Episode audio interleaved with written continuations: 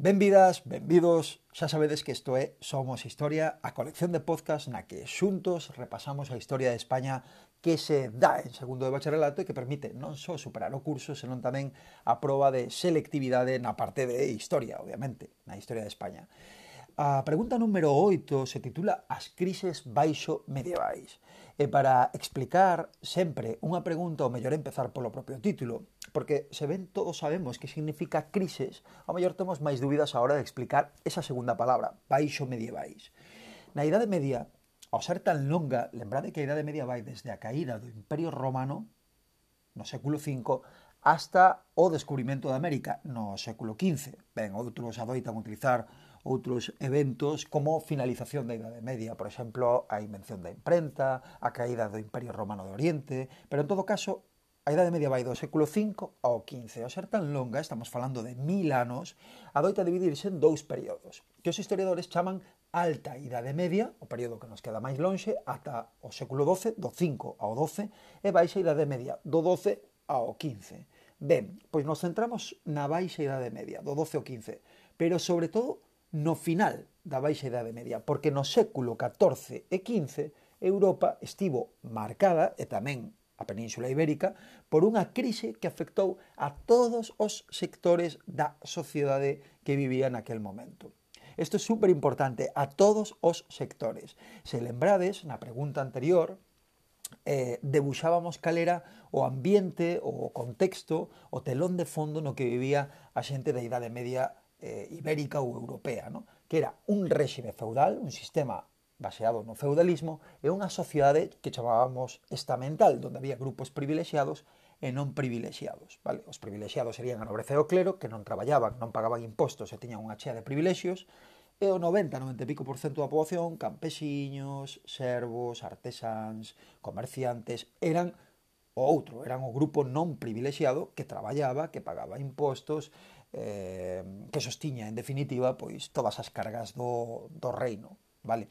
Pero, como digo, as crises baixo medievais afectan a todos, sen distinción. É dicir, que ter privilexios ou ter diñeiro, ter riquezas, non foi uh, impedimento para que a crise lles afectara tamén. Así que, vamos a falar desas crises e vamos a dividilas en tres partes.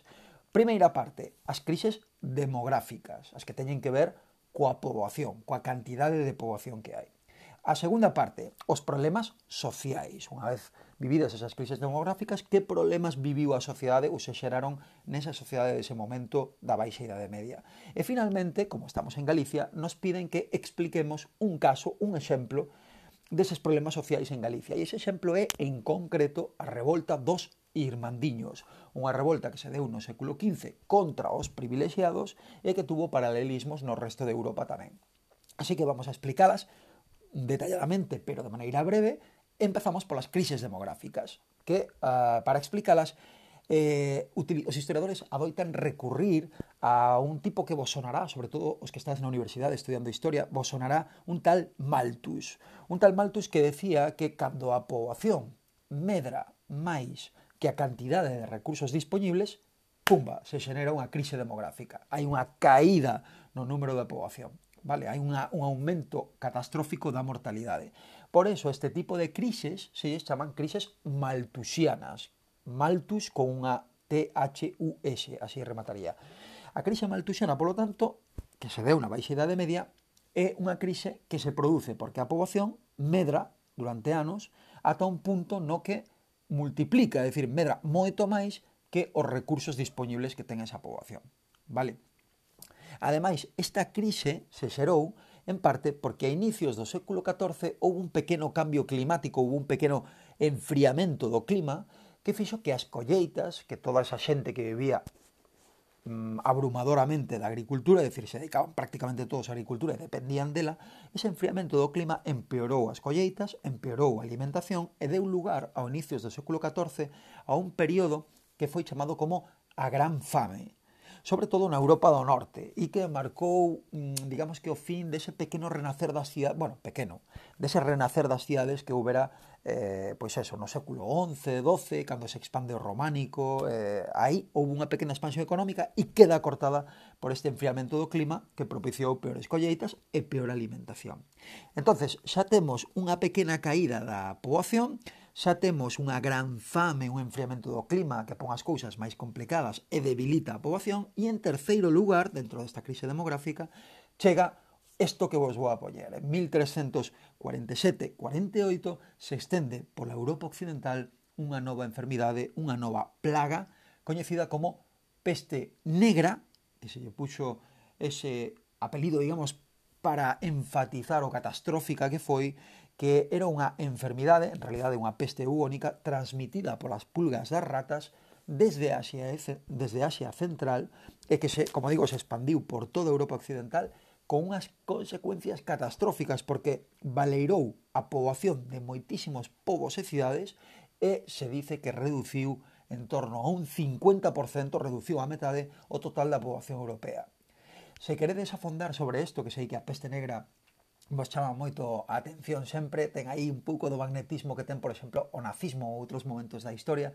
Vos recomendo un documental que botaron na dúa, se podes atopar en YouTube, que se titula Viaje a la Edad Media, la peste negra, donde o novelista Ken Follett, autor de Los Pilares de la Tierra, por exemplo, eh, acompaña aos espectadores nun recorrido por este momento da historia. Vos poño un fragmento para que vos escoitedes. En la Navidad de 1348, la peste negra llegó a Winchester Imaginad las calles de Winchester, llenas de gente con los temibles síntomas de la plaga, los pubones, y ese olor desagradable que emanaba de los poros de la piel de los enfermos. No se podía huir de ella a ninguna parte.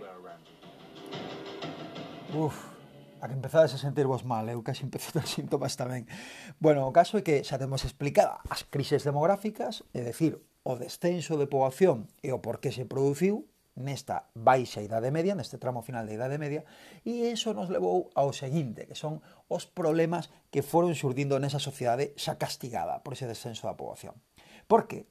Porque as peores colleitas e a menor man de obra disponible, é dicir, temos menos poboación, temos menos xente para traballar os campos, provocan tamén un descenso nas rendas, nos beneficios que os señores propietarios de terras, nobreza e clero, obtiñan obtiñan eh, dos campos nos que traballaban os seus campesiños ou xarvos. Vale?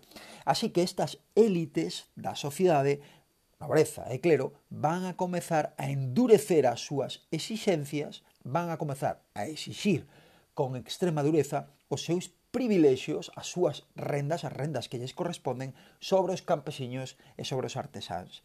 E estes, cada vez máis afogados porque xa teñen bastante con, con esa peste negra, con esa fame, con esa escaseza de recursos, e agora tamén máis afogados polas exigencias dos señores, estes van a comezar a indignarse e van a comezar a agruparse e a atreverse a rebelarse en forma de revoltas, facendo revoltas, por todo o territorio peninsular, nos centramos en España, pero tamén por todo o territorio europeo. E podes mencionar, e quedaríais, sempre que mencionades exemplos, quedades estupendamente porque o corrector se dá conta de que dominades aquelo que estades explicando, exemplos destes problemas sociais ou destas revoltas se deron aquí na actual España en lugares como Mallorca, donde os campesiños e os artesáns se rebelan contra as élites da cidade, precisamente por estas exixencias, en Barcelona, donde artesáns e pequenos comerciantes se rebelan tamén contra o goberno da cidade, en Cataluña, non na cidade de Barcelona, senón en Cataluña, donde os campesiños se rebelan contra os señores propietarios da terra, porque non lles deixan abandonala, incluso eh, o que piden non é que lles deixen abandonala, senón que lles deixen abandonala ao, a cambio do pago dunha compensación económica, unha remenxa. Por iso este conflicto se lle chamou eh, o conflicto de remenxa, porque os campesiños pedían que, bueno, pagando unha compensación económica, pagando un,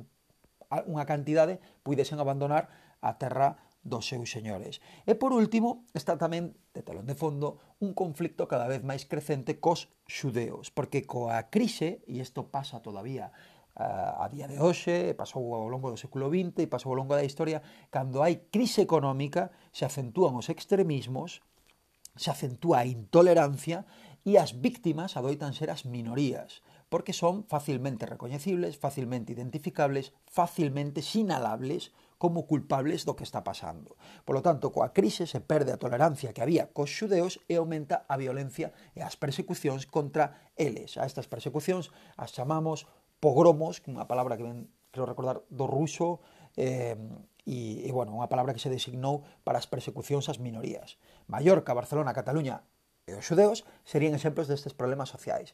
E tamén Galicia tuvo as súas revoltas sociais, pero esas van na terce, no terceiro na terceira parte das crises baixo medievais, esa que nos falta, no? O caso galego, a revolta dos Irmandiños que se deu no século XV. Que pasaba en Galicia? Pois en Galicia os nobres que vivían en fortalezas que todavía conservamos a día de hoxe, en Pontedeume, en Vilalba, en Soutomaior, etc. En Galicia os nobres actúan con unha violencia eh, inusitada para intentar compensar a perda de ingresos, a pérdida de, de, de diñeiro, de ingresos que teñen a raíz da crise, a raíz do descenso da poboación, a raíz das peores colleitas.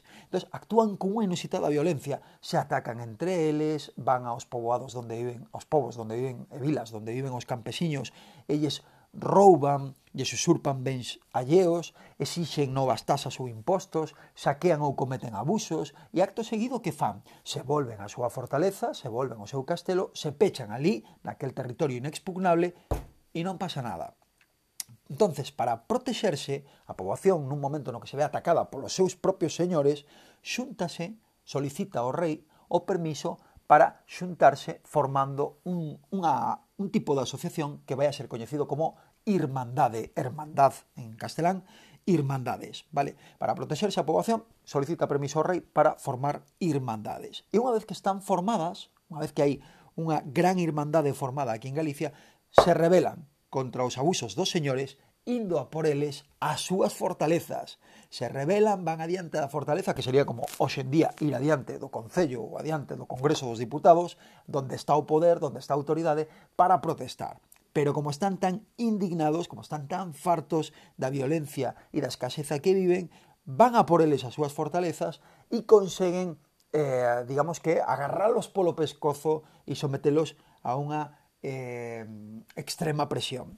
E suceden dous momentos. O primeiro é, é dicir, a primeira revolta irmandiña é en 1431, por certo, Irmandiños vende aí, vende Irmandade, que era o nome que recibían esas asociacións eh, que se formaran no, nos povos, no? No, no, en Galicia. En 1431 decía dase a primeira revolta irmandiña que a chamada Irmandida, Ir, Irmandade Fusquenlla. A Irmandade Fusquenlle era unha asociación liderada por un fidalgo, precisamente, que era un noble baixo, baixa nobreza, un fidalgo chamado Roy Xordo.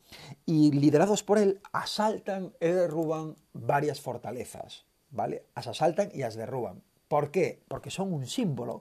A fortaleza o castelo é un símbolo do poder, da inexpugnabilidade do señor. As botan abaixo hasta que queda controlada, é dicir, os señores se unen e quedan, queda controlada esa rebelión. Pero en 1467 e ata o 69, é dicir, durante dous, tres anos, 80.000 galegos, 80.000 galegos, protagonizan unha revolta irmandiña na que conseguen asaltar e derrubar máis de 130 fortalezas, máis de 130 castelos ou fortalezas son asaltadas e derrubadas por estes irmandiños cabreados, indignados, que logran expulsar aos nobres non só dos castelos, senón incluso do territorio da Galicia medieval. Os expulsan, vale?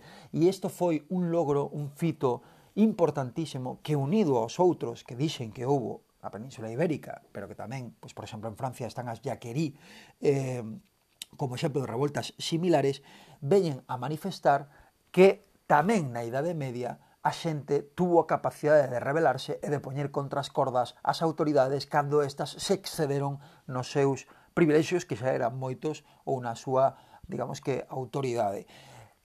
Eso sí, remato o tema dicindo que non tiveron éxito, os irmandiños finalmente fracasaron porque os nobres escapan, eso sí, fuxen de Galicia, pero se rearman, se asocian con outros nobles, uh, forman un exército máis grande tanto en, desde Portugal como desde Castela, volven a entrar no territorio galego, entran en guerra con eses irmandiños que os expulsaron de Galicia e acaban ganando a esas a eses irmandiños, acaban vencendos e obrigándos, mm, este foi un dos castigos, obrigándos a restituir a maior parte das fortalezas que derrubaran.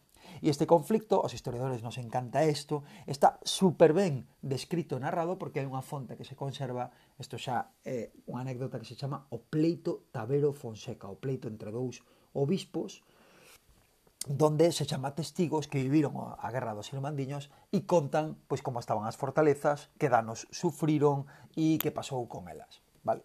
E con isto, que non en isto último non faría falta que o comentedes, é unha mera curiosidade, con isto teríamos perfilado o porqué desa crise no tramo final da Idade Media. Bueno, hasta aquí. Espero que vos gustase, que vos sexa útil. Vos animo, como sempre, a sacar, é dicir, a escoitar este podcast e a sacar del o voso esquema, o voso cadro.